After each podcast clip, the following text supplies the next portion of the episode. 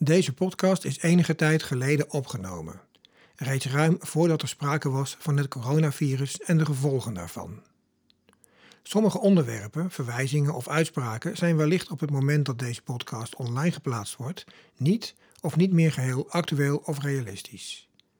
Om de sfeer en het onderwerp van de podcast in stand te houden, wordt het gesprek online geplaatst zoals het oorspronkelijk is opgenomen.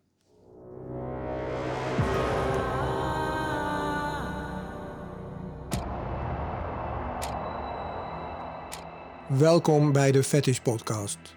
The Siren's Call is een BDSM-speelfeest voor alle Kingsters tussen de 25 en de 45 jaar. In deze aflevering praat ik met de mensen achter dit feest. Remco en Nimfje, welkom. Hi. Ja, hi, welkom. Ehm, leuk dat jullie mee willen doen. The Siren's Call. Ja. Wiens initiatief is dat geweest van jullie tweeën? Ehm, ik, ik denk vooral van mij. En Mhm. ik heb Remco er een beetje in meegetrokken. Ehm, nee, ik heb natuurlijk eh, heel erg lang eh, me ingezet voor Samarium. Mhm. En nou, daar heb ik het heel leuk gehad. Daar heb ik super veel geleerd. Daar ben ik echt opgegroeid. Alleen, Samarium is iets ehm, dat, dat is bedacht door mensen voor ons. En dat zal ook nog wel doorgedragen worden door de volgende generatie. Dus het wordt nooit je eigen ding. En iedere keer als je een idee hebt, dan moet je dat met een heel team bespreken. En dat is in sommige opzichten echt heel erg fijn. Want je staat er niet alleen voor en je hebt een groep mensen om je heen. Maar ik merkte dat ik dan soms cre- ideeën had waarvan ik dacht van... oh, dat wil ik eigenlijk gewoon direct doen. En dat ik heel erg behoefte had aan een project wat ik helemaal eigen kon maken. En eh, wij hadden toen dankzij Samarium heel goed contact eh, met de showboat. Sumarium is overigens. Samarium is, is eh, een eh jongere BDSM-feest, ook op de showboot. Maar dat is voor nog jongere mensen dan Dat wat jij is- doet, hè? Tot, eh, tot 35 jaar. En ehm, wij merkten eigenlijk heel erg van... Kijk, we hadden goed contact met de showboat. En Remco is natuurlijk eh, 42, dus hij mag niet meer op Samarium komen. Nog 41, hè? Oh, ben je nog één? aan?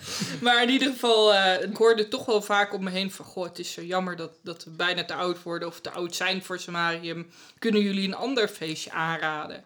En dat heb je helemaal in eerste instantie alleen opgezet? Want toen kende je Remco nog niet. Hè? Ehm, we kennen elkaar wel, alleen Remco was er niet zo heel erg mee bezig. Nou, jij was vooral met Smarium bezig. En Ja. We hadden wel een relatie in die tijd. Ja, en eigenlijk daaruit is het gekomen van... Nou, eh, ik kan niet mee.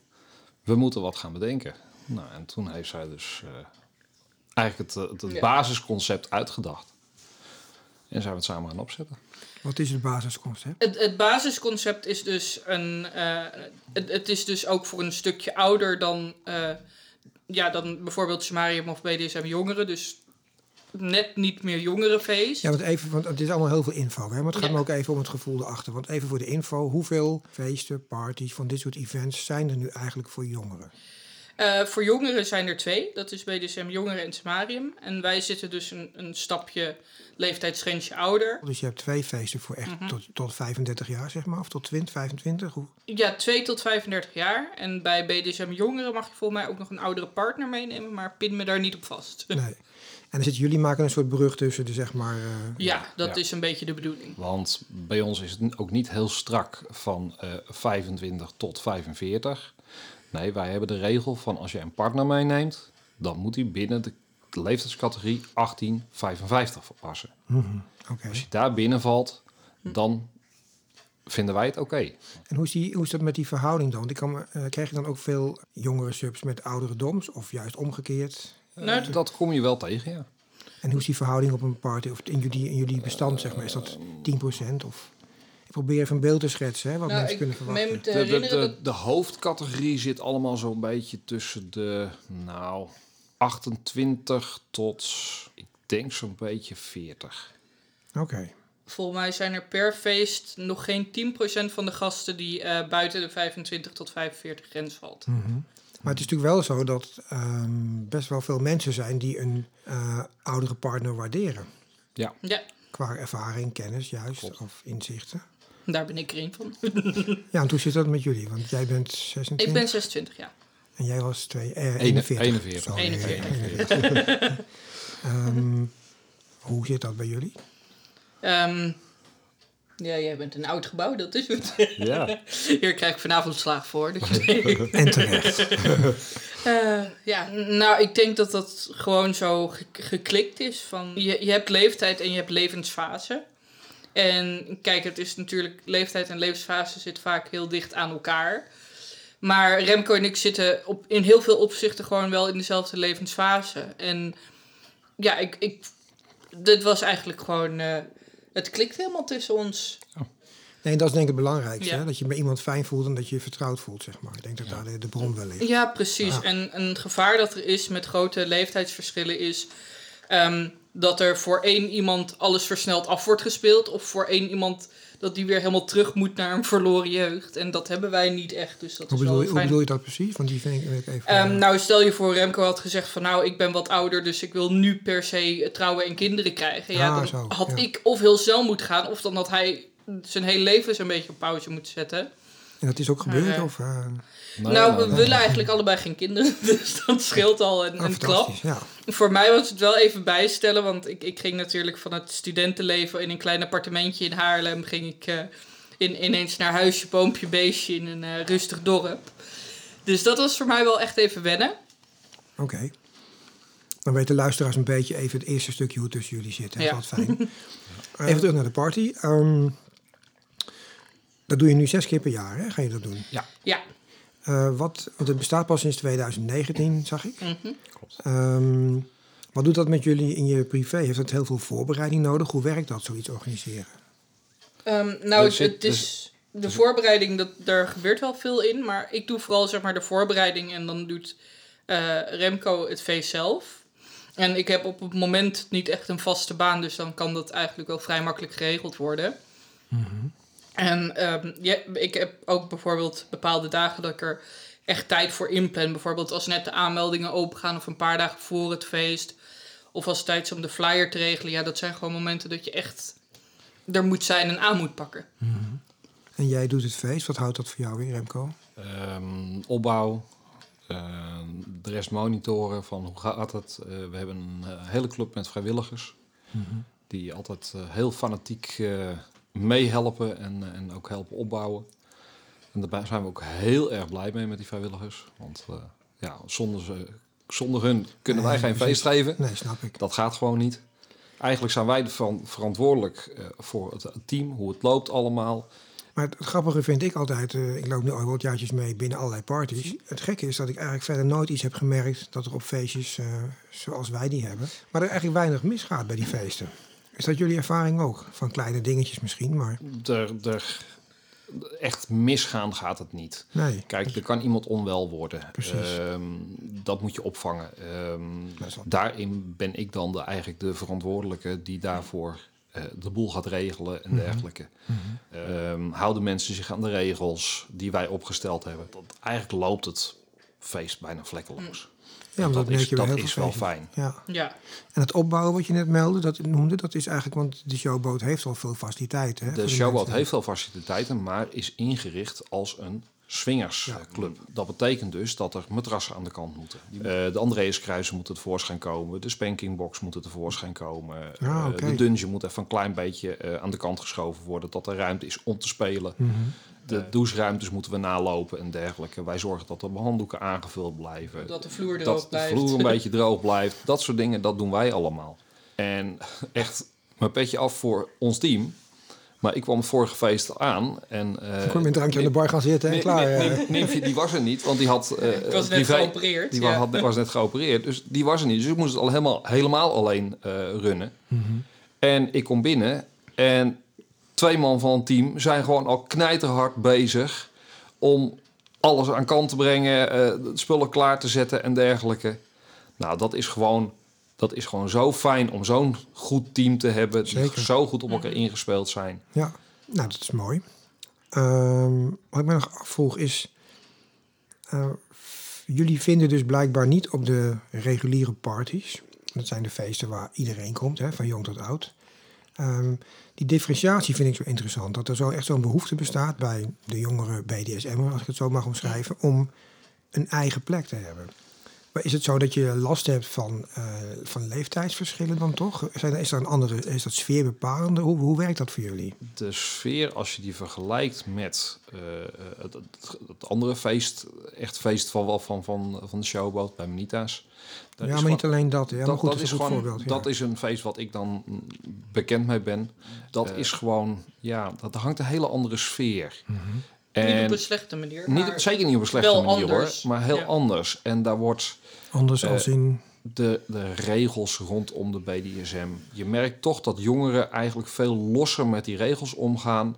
En eh, vrijheid, blijheid, alles mag. En eh, we gaan gewoon lekker experimenteren. En dat kom je dus bij jongeren veel tegen.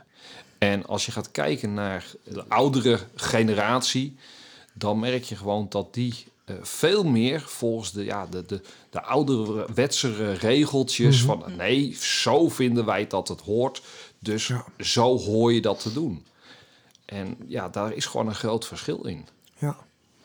ja, dat vind ik ook opmerkelijk dat dat zo is. Omdat eh, zelf ik ook niet zo, zo ook niet denk. Ik geloof ook van je moet gewoon doen waar je blij van wordt. Ja.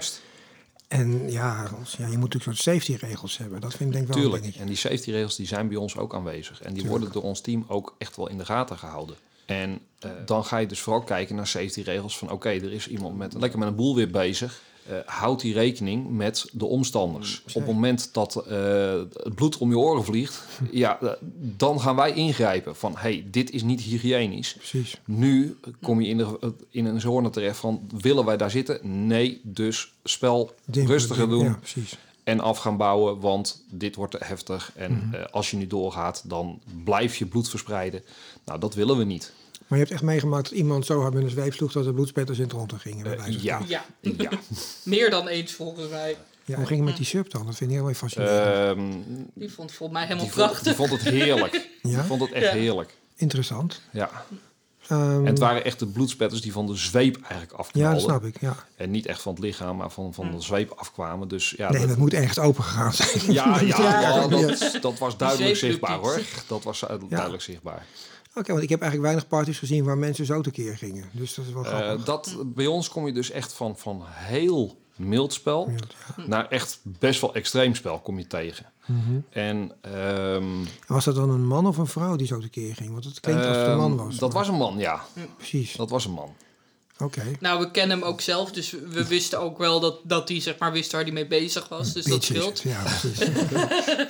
Ja, precies. En, ehm, maar ja, dat is, zo hebben wij ook wel voor ons feest discussies gehad over regels van bijvoorbeeld knife play. Wil, willen we dat wel of niet toelaten? Needle play wel of niet? Eh, allemaal dat soort dingen. Zijn ehm, beide wel vrij ehm, psycho- psychisch ook zware spelen, hè? Ja, Ja. precies. Ja, kijk, ik, ik denk dan eerder van...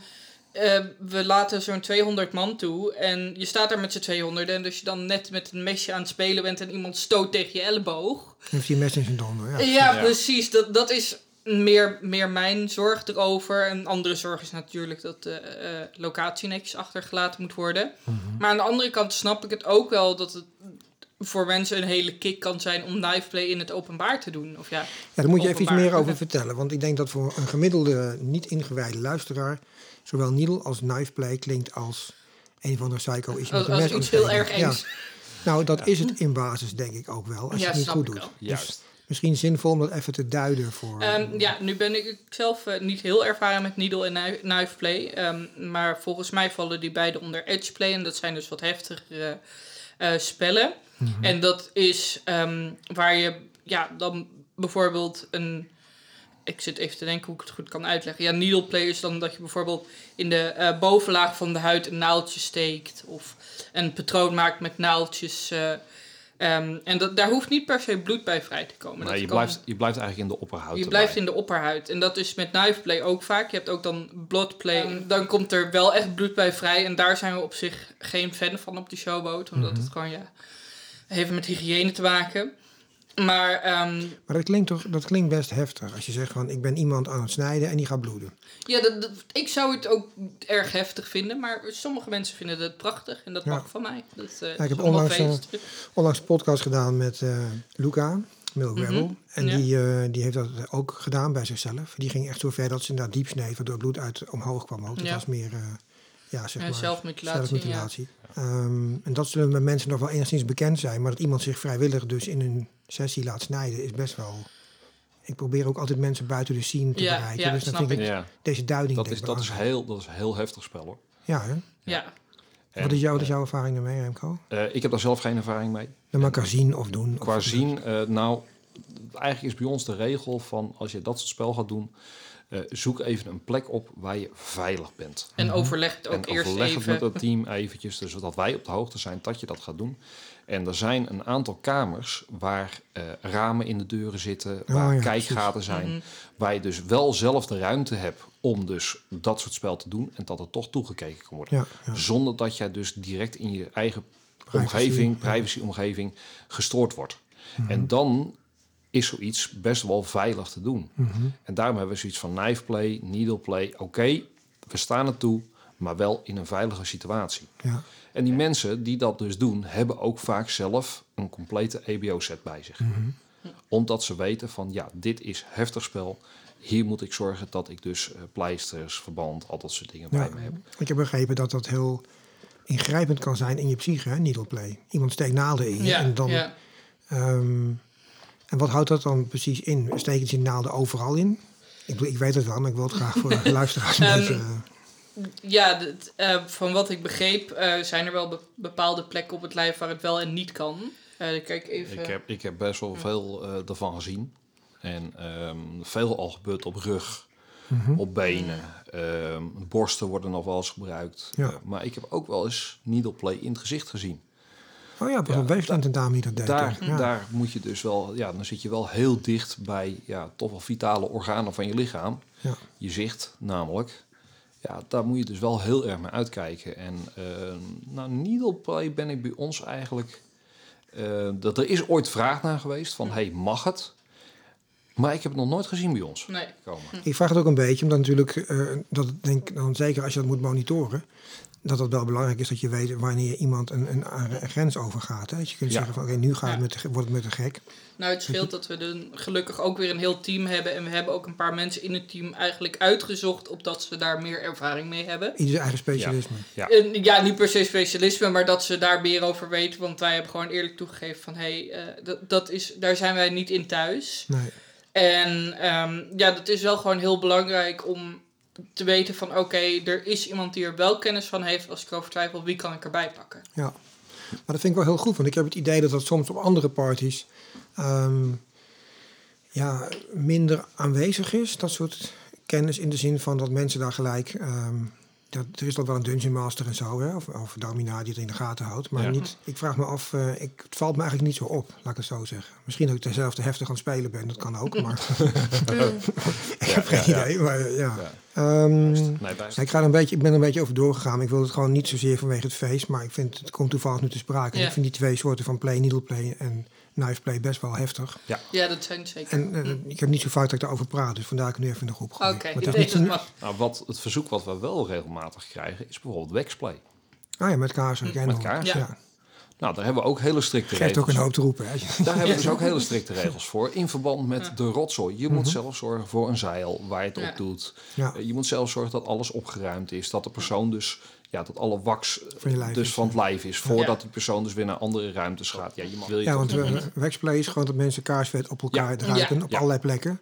En dat is dan een trucje met hoogteverschillen waardoor het heter is. Ja, Juist, precies. juist. En dan heb je ook nog, en dan heb je Ja. ook nog verschillende soorten kaarsen. Want je hebt Ja. paraffinekaarsen, Oh je hebt eh, soda, sojakaarsen. eh, en daar zit al temperatuurverschillen tussen. Mhm. En Dan zit je nog met de hoogtes. eh, Kleur. ja, kleuren. eh, verschillende kleuren hebben verschillende temperaturen. En, eh, Zwart is donkerder, wit is minder. Of maakt dat niet uit? nou, Voor mij donkerdere kleuren waren heter, toch? Ja, donkere Ja. kleuren zijn heter, maar bijvoorbeeld rood is bijvoorbeeld ook een vrij hete kleur. Dat heeft met pigmenten te maken en dergelijke. Ik weet daar niet heel veel van. Ik heb daar wel een aantal workshops op bij gevolgd, maar- over gevolgd. Maar zijn, daar zijn mensen, eh, er zijn eh kingsters in de scene die zich daarmee bezighouden en die eh, echt serieus veel daarvan weten Mhm. Ja. over dat soort onderwerpen. Demon is er bijvoorbeeld eentje. En die, heeft daar, eh, die geeft daar ook workshops in. Oh, wat leuk. Ja. En Maar die, zo, die, ja. die verkoopt dat ook. Die heeft ook kannetjes, losse kaarsen, Oh, noem maar op. ja, Ja, echt die grietkannetjes. Dus die heeft daar heel veel eh, informatie over. En ehm, ja, dat wordt bijvoorbeeld bij ons wel veel ge- gevraagd van hey, eh, waar kunnen we dat doen, waar mogen we dat doen? Mhm. Eh, en laatst hebben wij nog een olieworstelparty. Oh ja, er dat was wel een hele leuke. Het is dat twee keer toe gebeurd dat ik een berichtje kreeg van... Goh, we willen graag een keer olie worstelen. Zouden als we een zeil in de doucheruimte neerleggen... dat in de doucheruimte mogen doen? Ik zo... Oké, ik kom kijken. En het was echt een heel erg leuk spel om te zien. Oh ja. Ze hebben het eh, twee edities achter elkaar gedaan. En in de tweede editie was ook nog het plan om het met eh vla te doen. Om daarna. Dus, en zeiden ze ook van ruim alles op. En ik heb dat zelf niet gezien. Maar kan zijn dat ze dat wel hebben gedaan. Dus eh, dat soort dingen vind ik dan ook wel weer heel leuk. Dat ik denk van oké, dat zijn wel gaaf ideeën. Dus Ja, die dat- olie kan ik nog wel eh, volgen, maar dat met vla, dat vind ik toch maar geklied hoor. Maar dat is, dat is ieder zijn ding hoor. Ik bedoel, eh, Ja, Ja, maar dat, dat soort spel, dat zie je dus niet op andere parties. nee precies, dat bedoel ik. En Daarom dat, vind ik het ook zo interessant. Dat is Ja. zo leuk eraan. Maar dat was eigenlijk mijn originele vraag een beetje. Van, is het dus ook zo dat jullie dan, omdat je je eigen omgeving creëert, zeg maar, dat je wat vrijer kunt spelen en Ja. sessies hebben? Dat, dat is wel een beetje de bedoeling. Ook Wij willen eigenlijk dat onze DM's en onze teamleden. eh, ja, onzichtbaar is een groot woord, want ze moeten natuurlijk wel aanspreekbaar zijn. Maar Mhm. ehm, dat ze eh, observeren zonder direct in te grijpen. En ook, ik zeg ook altijd: mocht er iets gebeuren waarover je twijfelt en je haalt er anderen bij en die twijfelen ook, vraag het aan de mensen die het spelen. Ja, Ga niet direct met je vingertje zwaaien of met je armen over elkaar staan of boos doen. Nee, vraag gewoon van, hey, wij hebben hier niet veel verstand van. Dat kan, we zijn allemaal menselijk. Mhm. En gaat dit wel goed? Hoe moet ik hiermee omgaan? Ja. En vaak reageren mensen daar dan, ja, tenzij je het spel heel bot onderbreekt, dat moet je niet doen. Maar vaak reageren mensen er erg positief op. Van, goh, wat, wat leuk dat je interesse toont in mijn spel. Mhm. Dus ja, dat, dat is eigenlijk een beetje de insteek die we hebben. Jij hebt gezegd op de site, Niemfje, dat je eh, een tijdje minder actief bent geweest. Vanwege persoonlijke omstandigheden. Wil je Ja. het met ons delen of is dat te privé? Eh, nou, ik, eh, ik ben een redelijk open boek. Ik doe niet zozeer aan heel erg privé. Ehm, nee, ik ben heel erg depressief geweest. En dat heeft twee jaar geduurd. Kijk ik even opzij. Tweeënhalf zo'n beetje. Ja, dat is echt... eh, ik, ik begin er nu weer uit te komen. En ja, daarmee was van... We deden dan wel gewoon de feesten. Maar daarnaast was er niet heel erg veel behoefte om, om te spelen. Ook niet op feesten en ook niet met onszelf. Dus dat zat gewoon even op een heel laag pitje. Was, ik heb eh, dus de afgelopen twee jaar in een soort overlevingsmodus gezeten. Van oké, we moeten hier gewoon eh doorzien te komen. En naar zeg maar een, een betere plek waar ik weer eh, verder kan. En ja, ik ga nu eigenlijk heel erg goed. Ik eh, ben ook bij mijn psycholoog ontslagen omdat het te goed gaat. Dus dat is natuurlijk heel fijn. Dat is goed nieuws, ja. Ja, precies. En ik, ik voel me nu ook veel beter. Soms dan voel ik zeg maar die donkere wolk nog achter me van... oh ja, het, nog, het was nog niet zo lang geleden dat het niet goed ging. Maar ehm, ja, dat, dan kan ik me ook weer bedenken van... goh, het gaat nu wel weer heel erg goed. En dat is wel weer heel erg fijn. En ik merk ook dat daardoor... ja, wij gaan meer spelen thuis. Eh, de- er is meer mogelijkheid om... eh, te spelen op feesten. Ik ben bijvoorbeeld laatst eh, dan zonder Remco naar Samarium gegaan. En iemand hier heeft al gehint dat ik op de Siren Skull de volgende editie een paar opdrachtjes krijg. Dus Nou ja, je had bij Samari bij Samarium had ik ook al opdrachtjes, dus ik, ik hou mijn hart vast. En dat is wel weer heel niks. erg lang. Leuk. Maar ehm, dat je depressed was, had dat ook BDS, was dat BDSM gerelateerd of was het meer... Nee, nee, dat was eh, gewoon. Ik, ehm, ik ben deels arbeids afgekeurd. En eh, dat, ja, dan ben je een koppige twintiger. Ik was denk ik 21 of 22 toen ik begon met mijn studie. Toen dacht ik, nee, ik kan wel alles. En toen wilde ik en studeren en werken en vrienden bijhouden en in de stad wonen. En alles bovenop elkaar. En dat was gewoon te veel. En op een gegeven moment ehm, kreeg ik een paniekaanval. En daar ben ik ja, door een, een vervelende gebeurtenis in mijn verleden wel bekend mee. Alleen deze paniekaanval liep gewoon niet goed. En ik kreeg op een gegeven moment suïcidale gedachten. En ik heb een eh, zelfmoordpoging gedaan. Nou, gelukkig heb ik eh, een oplettende Remco en heel erg oplettende vrienden die zoiets hadden van... hé, hey, er gaat iets niet goed, we bellen de politie. Eh, dus het is uiteindelijk allemaal nog goed gekomen. Maar daarna, eh, dat, dat was eigenlijk een soort stapje de afgrond in van... Oh shit, dit, Dat is was, eigenlijk... dat was de druppel die over de emmerrand heen viel. Ja, en precies. In de diepte viel. En ja, dat is dan als je, als je brein je één keer in de zoveel tijd vertelt van ja, maar eigenlijk wil je helemaal niet meer leven, dan is het heel moeilijk om niet depressief te worden. Ja. En eh, ik moet zeggen dat ehm, ik heb nu sinds oktober volgens mij geen suïcidale gedachten meer gehad. Dus eh, dat is wel echt heel erg fijn. Want ja, dan moet je een soort discussie met jezelf aangaan. Van, dan- zegt een, een deel van je zegt van ja, maar je hebt. Dan krijg je die suïcidale gedachten. En dan moet je tegen jezelf zeggen, maar je wil helemaal niet dood. Je zit gewoon nu in een vervelende situatie. En daar moet je gewoon doorkomen. Je wil gewoon eigenlijk nu even op een grote pauzeknop kunnen duwen. En dat kan niet. Je moet gewoon door. En dat is wel echt, echt heel erg moeilijk. Ehm, en hoe kan het dat je daar weer uit bent gekomen nu? Is dat met steun van Remco en anderen en de psycholoog? Nou, Of- sowieso heel erg met steun van Remco. Ehm, ik, ik heb natuurlijk ook gewoon... eh, ik ben in behandeling gegaan bij een psycholoog en bij een coach. Dus dat heeft natuurlijk allemaal wel geholpen. En- Maar de klap op de vuurpijl, want ehm, het is waarschijnlijk een wintergebonden depressie. Mhm. Eh, was, deze winter ging het weer slecht. En toen hebben we eh, mijn favoriete eh veulentje, die deze zomer geboren is, die hebben we gekocht als eigen paard. En daar ga ik nu iedere dag heen. En dat is eigenlijk een wondermiddel geweest. Want nou, hoe depressief of verdrietig ik ook ben, ik kan naar het paard gaan en ik ben weer vrolijk. Dus Oké, ja, dat, is, eh, dat, dat heeft voor mij altijd heel veel goeds gedaan en dat blijft het nog steeds doen. ja. Vraag me niet het te verklaren, maar het werkt heel goed. ik Dus, vraag eh, niks. Ik durven. dus eh, sinds het paard er is, eh, gaat het ook allemaal heel erg goed. Dus dat is wel heel fijn. Zelfs, zelfs de instanties hadden zoiets van... Oh, werkt dat zo goed? Misschien moeten wij ook maar paarden aan. ja. Eh, Nou, wel, le- wel of leuk, wel interessant dat je dat eh, allemaal zo vertelt. Omdat ehm, in een andere podcast heb ik wel ook ge- gesproken over dit onderwerp. ja. Eh, en toen had ik met de gast samen, met uh, Luca was dat, de um, soort van halve conclusie dat bijvoorbeeld BDSM ook een soort van therapeutisch kan werken. Oh, dat zeker, ja. Nou, het werkt voor mij. Kijk, wat ik zei, ik heb eh, in het verleden eh, heb ik wat fijne dingen meegemaakt. Toen ik 13 was, heb ik seksueel misbruik meegemaakt. Oké.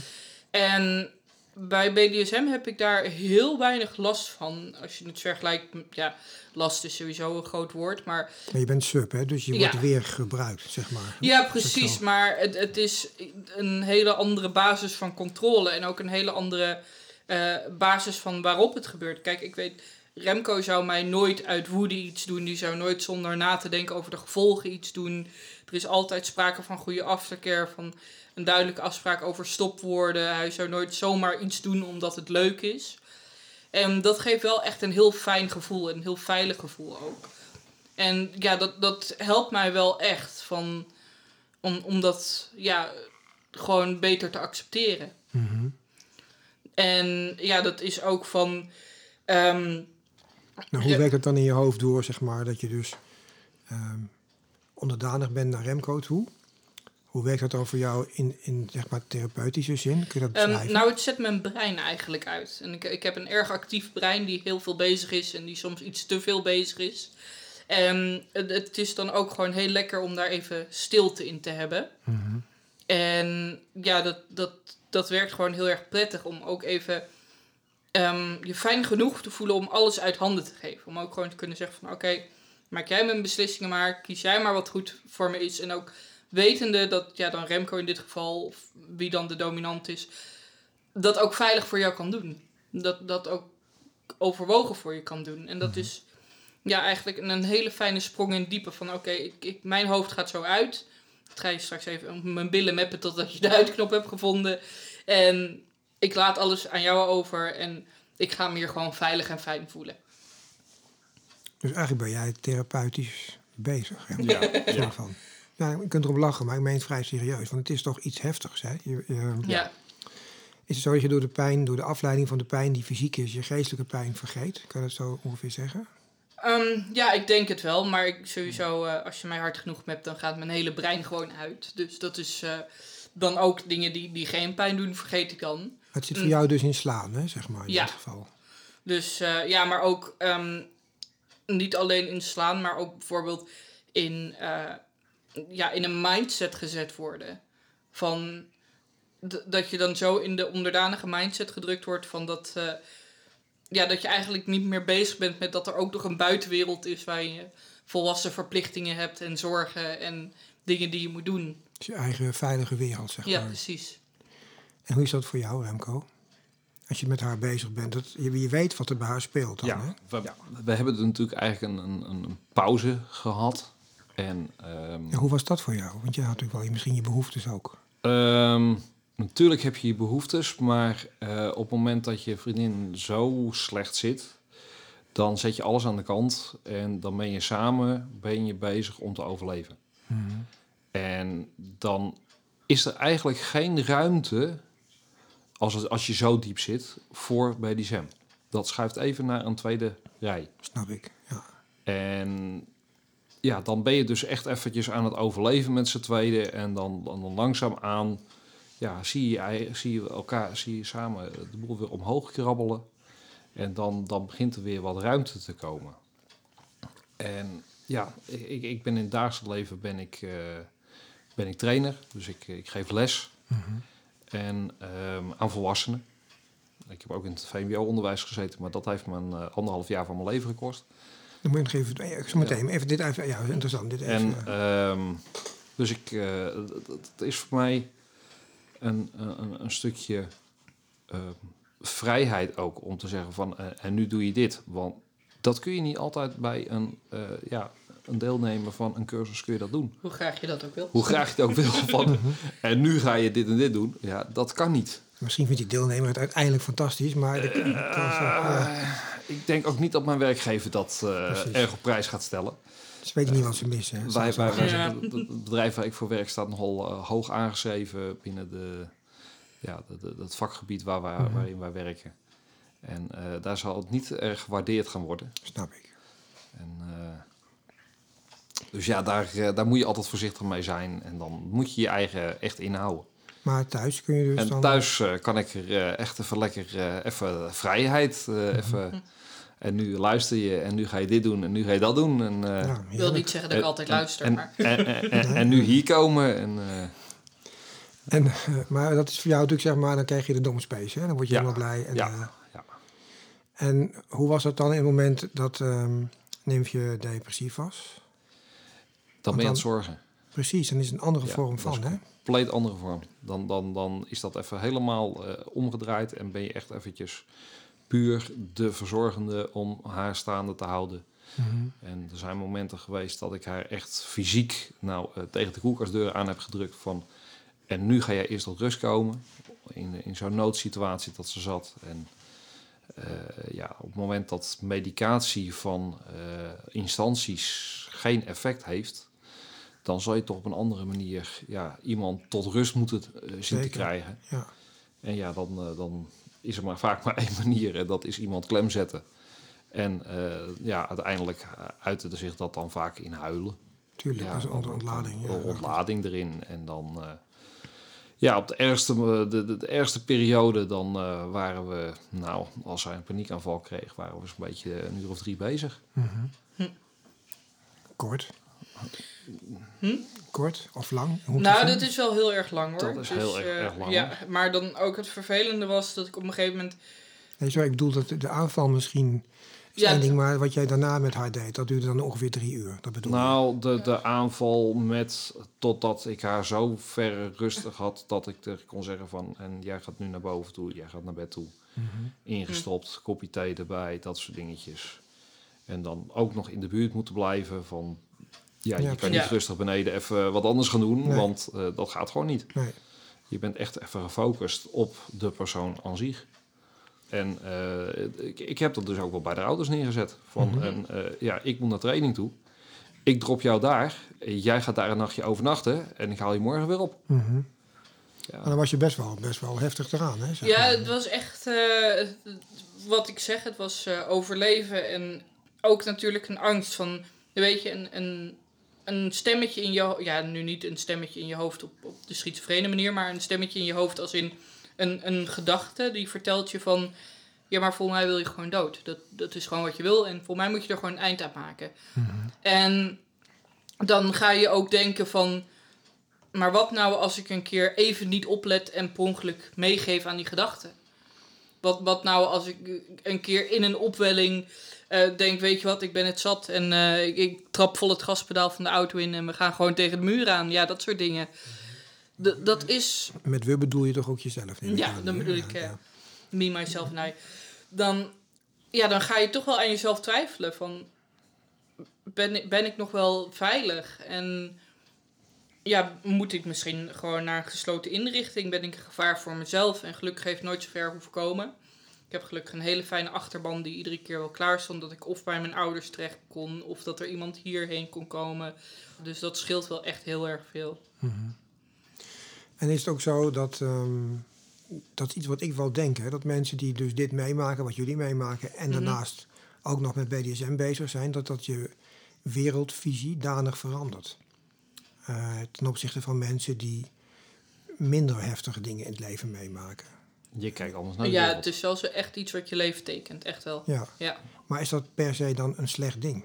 Nee, Want dat vind Nee. ik dus- Nee. nee, lijkt me ook niet. nee. Er- er- Er zijn, ehm, als je gewoon om je heen kijkt in de BDSM-scene, zie je best wel veel mensen die een rugzakje bij zich dragen. Mhm. Eh, kijk je in je in gewone leven om je heen, ehm, zijn er ook veel mensen die met een rugzakje om, oplopen, maar toch minder. Ehm, maar je begrijpt elkaar daardoor ook vaak beter. Klopt. Want mensen leren zich ook beter uiten. En die hebben dus waarschijnlijk ook via de vanwege de BDSM ook een uitlaatklep om eh, dingen te kunnen handelen. Mhm. Want ja, je, je zal toch ergens een uitlaatklep moeten hebben. Ja. Want eh, anders dan hoopt het zich op. En dan, eh, dan gaat het een keer fout. Ja. Maar is het niet zo dat mensen die niet in de BDSM zitten dan ook een uitlaatklep hebben? Die gaan bergbeklimmen of die gaan... Ja. Snap je? Er zijn verschillende Ja, manieren. zeker. Zeker. Zo zeker. bedoel ik. Dus ik, ben, ik Ja. vind het altijd heel lastig. Maar die zijn, dus minder, die zijn dus minder zichtbaar. Ja, dat is waar. En ehm, ja, binnen de BDSM zien zijn die mensen dus wel heel goed zichtbaar van hey. En, dan kun je, en daardoor is er waarschijnlijk binnen de BDSM ook een veel betere, een, een, een onderlinge Ja, ik eh, merk soort, een, soort controle van, van hey, gaat het goed met jou? er is een mindere taboe op. Ja. Van, je merkt het soms wel, ehm, als ik Hoe bedoel, je bijvoorbeeld... dat, hoe bedoel je dat precies? Nou, als ik bijvoorbeeld met mijn BDSM-vrienden bespreek van dat het niet goed gaat, dan wordt daar heel anders op gereageerd dan als ik dat met andere mensen bespreek. Dan, Mhm. ik, ik heb wel eens van, van eh, mijn moeder gehoord van, ja, maar dat moet je niet tegen iedereen zeggen. Ik denk, waarom is het, is het een geheim? Ja, maar dat is volgens mij een van de oorzaken waardoor mensen zich ongelukkig Ja, voelen. precies. Omdat het dan niet bespreekbaar is, weet je wel. Dat vind ik best gek. Dat- En ja, dat is dan terwijl gewoon. Het is juist heel fijn dat het bespreekbaar is. En, Ja. en ik had het toevallig ehm, gisteren er nog met vrienden over. Ik was gisteren bij vrienden op bezoek. Van, dat het voor vanilla mensen heel vreemd is. Als je bedenkt dat eh, wij de meeste mensen in onze vriendengroep hebben we naakt gezien. Die hebben seks zien hebben, die hebben zien spelen. En dat is voor vanilla mensen natuurlijk heel vreemd. Maar Ja. ik denk, juist omdat wij dat allemaal van elkaar al gezien hebben, is er ook een soort grens weg waarin je makkelijker dingen met elkaar bespreekt. Denk ik ook. En dat is wel heel erg prettig. En als je nu kijkt over die, eh, die periode die nu achter je ligt, hè, die 2,5 Mhm. jaar van jou, eh Ja. Dan is het zo dat je nu zegt dat je stabieler bent of lijkt? Of hoe ervaren jullie dat nu? Nou, ik, ik voel me wel echt steeds beter. Ik voel me ook eh, op sommige momenten oprecht gelukkig. Dat is Mhm. heel fijn. Nou, ik had in de moeilijkste periode soms bijna dagelijks paniekaanvallen. Ik heb nu, ik denk al weken geen paniekaanval gehad. En Even ook geen suïcidale ja. gedachten, ja, inderdaad. ook geen suïcidale gedachten meer, geen depressieve gedachten van, oh, alles gaat fout. En Maar het paard werkt daar ook heel erg. eh, ja, het paard is nog steeds het, het, het paardenmiddel, letterlijk. het paardenmiddel heeft gewerkt. Ja. ja. Ehm, nog even terug naar het rugzakje dan. Is het ook zo dat jullie merken, omdat je dan dus blijkbaar ook over die dingen praat met gelijkgestemden, hè, met mensen Mhm, uit de scene, ja. dat je, ehm, want dat heb je natuurlijk van mensen gehoord die jullie kennen, dat ze het rugzakje gevuld hebben, zeg maar. Je, je hoort, je hoort binnen de scene hoor je gewoon heel snel van eh, ja, ik heb dat en dat, of ik heb Hm. dat en dat, of eh, Mhm. ehm, ik heb dit meegemaakt, of ik heb dat meegemaakt. Eh, dat hoor je heel snel. En daar, daar heerst binnen de, de, de, de vanilla-omgeving heerst Ja. daar eigenlijk een taboe ja, op. Zeker, ja. ja. Eh, ik heb ooit een, een, een tijd geleden heb ik met een goede vriendin een goed gesprek gehad over eh, ja, het alleen zijn. Ehm Nymfje is mijn, mijn eerste relatie. En ehm, ja, ik was toen al nog steeds alleen. En toen had ik eh, een goed gesprek over van ja, eenzaam, maar niet alleen. Oh ja, Mhm. kun je ook zeggen, alleen maar niet eenzaam. Kan ook nog, hè? Ehm, nee, dat is precies andersom. Ja, precies. Daarom zeg ik het ook. Maar dat Ja, is wel een dat andere is precies beleving. andersom. Dat is een hele andere beleving. En ehm, alleen maar niet eenzaam, dan heb je, dat, dat kun je overleven. Mhm.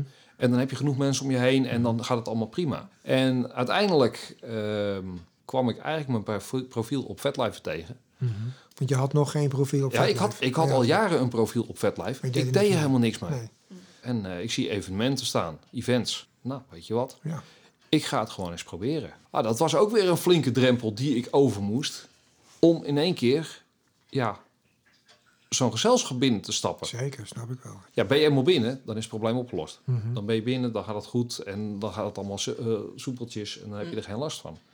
Tweede munch waar ik heen ging, sprak ik eh, Roos, die ook bij jou al in de podcast geweest Ja. is. Ja, klopt. Met Daan. Ja, met Daan. Ja. Die kwam ik daar tegen. Die had toen nog geen kennis met Daan. Was toen nog eh, alleen Roos. Dat was Kun alleen jij nog lekker uitleven Ja. trouwens. Leuk. Nou, Ja. nee, nou dat, dat, dat niet, maar eh, Oh, wij- jammer. eigenlijk dat was voor, voor mij het, het, het, eh, het tweede munch waar ik eh, naartoe ging.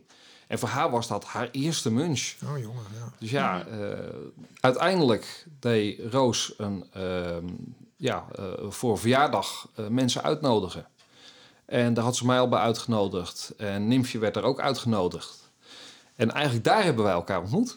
Ja, het is eh, wel heel grappig, want de mensen op Dus die niet in, de, verjaardag... niet in de parkeergarage zoals Nee. Daan. Nee. Nee, het was ook van... ehm het grappige is dat dat groepje dat toen op die verjaardag was... dat is nog steeds een vriendengroepje. Mhm. Toen hadden we hier een feestje en toen was het van... ja, ik kon of kiezen of op een lullig luchtbedje op de grond... of naast hem in zijn grote bed. En ik dacht... Ik, Dus ik, jij koos voor het luchtbed. ik, ik- nou, ik kijk ze daar en ik denk... ja, dat is wel een appetijtelijk hapje, daar kan ik wel naast liggen. En eh, toen, de volgende dag was het eigenlijk zo van... ja, je woont nu hier. dus dat, dat is een beetje... En dat is van- mannentaal. eh, ja, Ja. van, het was ook... Ja, we gaan deze zomer samen op vakantie. En ik zat ergens van... Ik weet niet of dat ik wil, of ik dat wel kan betalen. En of ik daar wel zin in heb. Nee, we gaan gewoon samen op vakantie. Kom je dan ophalen. dus eh, dat is een beetje hoe het gelopen is. En uiteindelijk ben ik er wel heel blij mee. Dan ben je wel heel erg volgzaam, hè, als je dat zo denkt. eh, af en toe. Nou, niet heel erg volgzaam. Vooral heel erg besluiteloos. Mhm. Ja. Dat is, ik ben ervan overtuigd dat dat zijn ergste vorm van sadisme is. Om je soms gewoon te vragen om te kiezen. Ja, oh, dat, dat is ook- dat is zo leuk. Ja, dus Dat is zo leuk. Maar, ehm, oké, Maar toen, toen nam je leven een andere wending. Want je Ja. had al een latex fetish, begreep ik, hè? Eh, die had ik al jaren, ja. Ja. Ja. En hoe uitte zich dat? Je had allemaal la- latex kleding en zo. Dat was echt eh, in de closet. eh, Ja, toch wel? ja, volledig. Net zoals zoveel, hè, helaas. ja, eh, daarbij komt ook nog eens een keertje dat mijn... ik ben Rooms-Katholiek opgevoed. Oh jee, arme jongen. Ja, dus daar is dat ook niet echt... dat je daar echt mee open kan zijn. Maar mijn ouders zijn wel heel open. Die hebben ook altijd gezegd van... Nou, als er wat is, kom gewoon naar ons toe. En dat maakt niet uit. Maar toch... Ja, op een of andere manier voelt dat toch niet eh, zo dat ik zeg van... Ja, dat ga ik daarbij bij hun uiten. Maar hoe ging dat dan? Had je eh, echt letterlijk je spulletjes in een kastje liggen geheim? En dat had ik Ja, dat lag, eh. dat lag ergens in een doosje onder het bed verstopt. onder weer andere spullen. En, En dan ging je bijvoorbeeld s'nachts, dat deed ik ook altijd, ging je als het donker was en iemand je kon zien of horen, ging je verkleden, toch? Dat was merendeel als mijn ouders weg waren. ja, natuurlijk. Het huis uit. Ja, dat is helemaal relaxed. Ja. ja. Maar dan moet het voor jou fantastisch zijn geweest. Tenminste, voor mij was het wel zo dat ik op mezelf kon gaan wonen. Dan kon je vrij in je eigen huis eh, Eh, wonen. ja, Alles doen waar je zin in had, Ja. wanneer je wilde. Dat Ja. is lekker, hè? dat is, eh, dat is zo fijn. En, Maar dus toen, toen ging het weer, zeg maar, toen ging het verder een beetje. Dus je, door die muntjes en door jullie omgang heb je, zeg maar, feestjes. eh, weg naar buiten gevonden. Ja, naar feestjes toe geweest. Samarium, daar mocht ik niet komen. Dus eh, ja, daar kon ik ook niet gaan kijken. Daar was je te oud voor, hè? Ja, daar was ik toen al te oud voor. En, eh, Maar ben jij, daar, ben jij wel geweest? Daar heb je er Ja. mee, aan gewerkt, aan meegewerkt. Wat zou je als ehm, eh, verschil, is daar nog een verschil tussen jullie? Wat je zegt, Ehm, dat is soms wel echt heel erg moeilijk te zeggen. Eh, ik heb wel het idee, maar misschien is dat gewoon mijn idee, dat eh, sommige ehm, meer vaste bezoekers van Samarium, die worden nu ouder en die stromen meer door naar de Siren School. En kijk, het, het is natuurlijk. ehm Samariums instelling is voor beginners, voor jongeren die komen kijken, die een, een veilige ruimte willen eh, om die BDSM-gevoelens te uiten. Om, en ons doel is meer om daar een soort stap 2 in te zijn. Dus nu zie je soms op Samarium ook wel heel erg heftig spel. Maar ehm, kijk, wij, wij zijn daar iets meer op ingesteld. Van, En ja, je mag natuurlijk als beginner bij ons komen. We jagen je niet weg. Als je een beginner bent uh, met wat hogere leeftijd, wat dan? Er zijn meerdere feestjes, dus het is niet per se dat je als beginner per se naar Samarium moet. Maar het is gewoon, Samarium is daar uh, ja, bijna meer gespecialiseerd. Ze hebben ook op de site heel veel uh, informatie. Ze hebben ook een forum en ook een chat waar mensen uh, van 16 al terecht kunnen. Dus alleen op forum en ja. chat, niet op de feesten. Mag heel, helemaal niet. Ja, ja dat is, goed, hoor. daar zijn ze wel beter in. En dat, dat, dat geef ik ze ook echt mee. Dat zijn ze echt... Doen ze echt heel hard het is meer voor mensen die nu luisteren en die zeggen: ja. ik ben 15 of 16 en ik heb die gevoelens, denk ik. Wat zal ik eens doen? Dan ehm, zeker naar Samarium gaan. Ja, ja. toen ik 16 was, kon dat niet. Hè. Dan hebben ze een groot gemis geweest. Ik denk dat het heel fijn is dat mensen nu uh, ja, dat Nou, het is um, wel heel grappig van... Uh, in tegenstelling tot Remco's ouders weten mijn ouders overal van. Mm -hmm. En Samarium heeft dus ook een kopje met... Uh, mijn kind heeft bij de BDSM-gevoelens wat nu. Volgens mij, dat heet een tijdje terug. Ik weet niet of het nu nog zo heet. Maar in ieder geval, um, dat heb ik ook gewoon aan mijn moeder kunnen laten lezen. En mijn moeder die heeft rondgekeken op de site van Samarium. En uh, toen was ik volgens mij 21, misschien 22. Mooi hoor. En um, die was echt heel erg blij ermee. Van goh, ik, ik vind het zo fijn dat dit een veilige plek is waar je terecht kan. En dat, dat, dat je een beetje in de gaten wordt gehouden. En dat je niet zeg maar op, op straat met vreemde mannen meegaat, nee, om het zo te zeggen. In een veilige omgeving kun je het uitvoeren. Dus ja, mijn moeder was daar, die uh, is uh, zeer te spreken over Samarium. Mijn ouders weten ook dat wij een open relatie hebben. En dat is ook echt heel erg prettig. Ja, want wat houdt, wat houdt die open relatie voor jullie in? Hoe, hoe uh, is dat in de praktijk? Want je woont wel in dit huis samen. Ja, ja wij wonen hier samen. Even, even voor de record, we zijn nu bij jullie thuis. Ik zeg lekker niet waar het is en jullie ook niet. Maar, uh, dus, uh, nou, um, ja, wat houdt het voor ons eigenlijk in? we laten elkaar redelijk vrij. Toen wij, onze relatie heel pril was, heb ik eigenlijk vrij snel tegen, tegen Nimfje gezegd van... Nou, ik wil eigenlijk gewoon een open relatie. Um, gewoon puur op het moment dat er iets gebeurt, dat je met een ander wat hebt of wat dan ook, prima, geen probleem. Maar kom terug, kom thuis. Dat het geen issue is, zeg maar. Dat is geen issue bij ons. Nee. En, uh, want dan gaat het toch vaak alleen maar om de seks. En je ziet zo vaak dat uh, relaties stuk gaan. Klopt. Omdat ze alleen maar even buiten de deur, puur om de seks, ergens een, een, iets hebben gehad. Mhm. En dan komen ze thuis en dan gaat die hele relatie gaat stuk. Ja, dat vind ik zo zonde. Ja, heb ik ook nooit helemaal gesnapt. Hoor. Ja. Vind Nee, lastig. en, en ik heb zoiets van, nou, gaat het alleen om de seks, prima. Ga je gang. Leef je uit. Mhm. Ja, we zijn Onder één beide ook niet voorwaarde. jaloers. dus- Onder één voorwaarde. Het gebeurt veilig. Dat is de regel. Mhm. En dan kun je prima een, een open relatie hebben. En ja, dat, die geldt natuurlijk voor ons beiden. Kom ik iemand tegen, ja, nou prima. eh, ik leef maar lekker uit. Eh als ik kom zij iemand tegen, leef je lekker uit. Ehm, want dat is denk ik heel belangrijk. Ik heb meegewerkt aan een podcast over polyandrie. Polygamie, polyamoreus Mhm. leven. Ja, ja. Ja. Dat vond ik heel interessant. Ik heb me daar toen een beetje eh, voor opgegeven zelf. Want dat, was, dat heb ik gedaan voor ik hier Ja. aan begon. En dat deed ik omdat ik wilde uitvinden hoe dat dan zit met polyamoreus leven en denken, zeg maar. Ja. Ehm, ik heb er dus heel veel mensen over gesproken, ook vooral buiten de podcast om. Ehm, En nou is het toch wel zo dat qua balans ehm, is het zo dat jullie ongeveer kunnen zeggen evenredig hebben we evenveel wisselende partners? Of is dat meer dat de een het meer heeft dan de ander? Want dat maak ik wel vaak mee. We hebben er nog helemaal geen gebruik van gemaakt. Nou, niet veel, nee. Want op met de moment. afgelopen... Maar stel, ja. maar goed, maar hoe is jullie ervaring daarmee dan met je omgeving misschien? Maar is dat, het is niet altijd in balans, dat bedoel ik. Soms accepteert één partner het iets meer van de ander. Dat zou kunnen. Maar daar zijn jullie niet mee bezig. Nee, daar zijn we helemaal niet mee bezig. En, en wat wij ook hebben gezegd van eh, op het moment dat je dus buiten de deur bent geweest en je hebt ergens eh, lekker met iemand van bil gegaan en vertel er gewoon lekker over thuis. Precies, Ja. ja.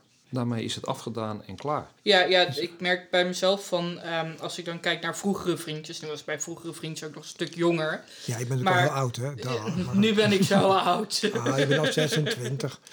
Maar in ieder geval dat ik dan ehm, heel erg jaloers kon worden van als ze stiekem deden. Dat ik dacht, ja, maar Mhm. wat verberg je nou voor me?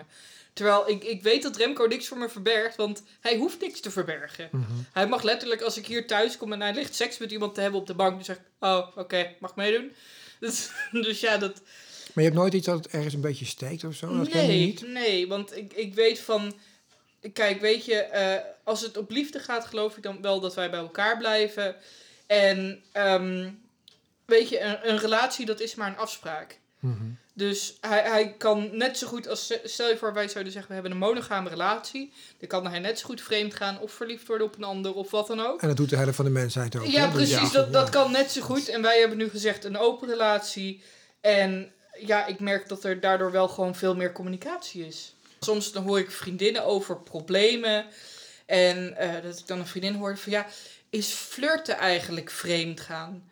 En een hele discussie, ja wel. Ik zo, wat je doet, je pakt je telefoon, je belt je partner en je vraagt wat voor grenzen hebben we eigenlijk in onze relatie. Precies. Maar dat denkt niemand Zo aan. moeilijk hè? Nee. is het. Dat is zo Er wordt weird. gewoon niet over Ja. nagedacht. Nee. Maar het wordt je, het wordt je ook niet Geleerd. eh, geleerd. Nee. Er was laatst een, een, een heel leuk programma op tv. Dat ging over die eh, polyamorie en dergelijke. En ehm, daar gingen ze kijken naar de natuur. In hoeverre is de natuur monogaam? Mm, Niet. Bijna niet, nee. Ja, Nou, papegaaien geloof ik. En En zwanen. voor mij zwanen, ja. Zwanen zelfs niet. Nee? Nee. Sloeris. Maar nee, het schijnt, Zal het ze zeggen de het, volgende schijnt, keer. het schijnt zelfs zo te zijn dat zwanen dus wel een vaste partner hebben. Maar daaromheen dus ook met andere. Mannetjes en vrouwtjes. Ja, Ja, maar het is ook niet... Weet je wat ook wel wat ook grappig is? Ik heb een keer gelezen... ehm, de reden waarom vrouwen zo vaak kunnen klaarkomen... dat is ook natuurlijk iets waar je over na kunt denken. Het is omdat het eigenlijk bedoeld is dat zoveel mogelijk mannen seks met ze hebben. Juist. De sterkste zaad gaat dan overwinnen, zeg maar. juist. Even kort samengevat. Oh, dus ze doen het helemaal fout? Nou, dat zei, ik heb geen waardeoordeel. Maar het is wel interessant, want dat vond ik altijd heel oneerlijk. Een vrouw kan maar klaarkomen als ze wil. Maar kijk naar, het, naar, het, naar, de, naar de honden. Ja, En naar Leeuwen. wolven. Naar wolven. Al, al kijk je naar de wolven in de natuur, die blijven aan elkaar vastzitten voor een bepaalde tijd om dat zaad dus eh, een kans te geven. En die zijn absoluut niet monogaam. nee. Ja, dus wat dat betreft zo'n zo'n open relatie. Kijk, wij zijn niet polyamoreus. Mhm. Want wij hebben zoiets van, nee, op het moment dat daar liefde echt bij komt kijken, dan hebben we het over een ander verhaal. En Wat, jullie, goed gesprek wat is het hebben. verschil dan voor jullie? Ehm, nou, we hebben het wel besproken, want zelf ben ik wel enigszins polyamoreus ingesteld. Eh, voor ons is het verschil, je kijk, hebt zes meesters, zeg maar. Eh, nou, dat niet. Maar eh, voor ons is het verschil in een open relatie is het vooral fysiek. En je kan natuurlijk ook friends with benefits hebben. Precies. Maar het zijn geen echte liefdesrelaties met dat soort diepgaande gevoelens. Mhm. En eh, ja, dat is eigenlijk waar wij wel de grens hebben getrokken in overleg. En, maar ja, het is natuurlijk, friends with benefits kan ook heel fijn zijn. Kan ook heel, heel erg fijne relaties met iemand hebben zonder dat dat echt, echt die liefdesrelatie die wij bijvoorbeeld hebben is. Ja, maar ik begrijp het niet helemaal. Want Hoe bedoel je Oh, het Zij, precies? komt, zij komt dus gewoon iedere avond thuis. Klaar. Mhm. Maar ehm, eh, eigenlijk is het allemaal academisch, hè? Want jullie hebben het nog niet meegemaakt, begrijp ik. Dus je hebt nog niet een nachtje met een ander doorgebracht of een middagje. En... Hm, ik heb wel met een ander gezoend. Ja. Dat weet je toch? Ja. Heb je dat ooit verteld? Breaking news. Komt niet. Breaking Nou. news, ik Ja, ben een dat- Ik ga de sloer. HBO keer even halen.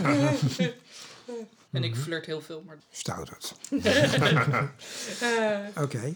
Ehm, is er nog iets wat jullie wel aan de luisteraars zouden willen meegeven? Ehm, ja, ik kan adviseren, koop een paard, maar dat werkt niet voor iedereen. Ik denk dat het belangrijkste is om gewoon even te denken van... negeer al die taboes en vraag alsjeblieft om hulp. Want het, het gaat echt beter worden, maar je hebt gewoon even tijd en hulp nodig. En onderschat niet dat het gewoon een vorm van ziek zijn is. Mhm. Kijk, als je je been breekt, dan zit je ook niet de hele dag gefrustreerd naar je been te kijken, weet je? En zo... de-. Niet? Nou, met zo'n breinaald. en dat- ja, precies. Ja, hier. Ja, ja. Maar weet je, als er iets in je, in je brein breekt, ja, dat klinkt misschien heel stom, maar zoiets Nee, is nee, het wel. Niet, ja. Dan ben dan ook niet boos op je brein. Zoek gewoon de juiste hulp. Zorg, zorg dat, dat het verholpen wordt. En ga weer verder met je leven. Mhm. En dat, dat kan echt. En ook al lijkt dat soms van niet.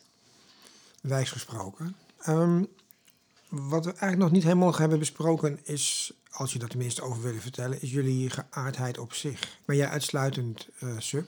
Nymfje? Of- Eh, ja, ik ben wel redelijk sub. Eh, misschien dat ik op een dag wel eens mijn dominantere kant wil ontdekken. Je komt niet heel onderdanig over op mij. Nee, over, in het dagelijks leven niet. Maar tot, tot nu toe, als het aankomt op, op spel en seks, dan lukt dominant zijn me niet. En ik, Remco lacht me al Dat- uit bij de gedachte. Dat, dat, dat, dat, is, dat is één keer knippen met je vingers en die, klaar, eh, ja, die. Ja, die bijna weg. Dus, eh, Ja, dat is En- bij jou zo, hè? niet bij iedereen natuurlijk. Hè? Nee, maar, maar dan zie je me dan ook wel staan van... Oké, ik ga je slaan. Ik denk dat ik ga slaan.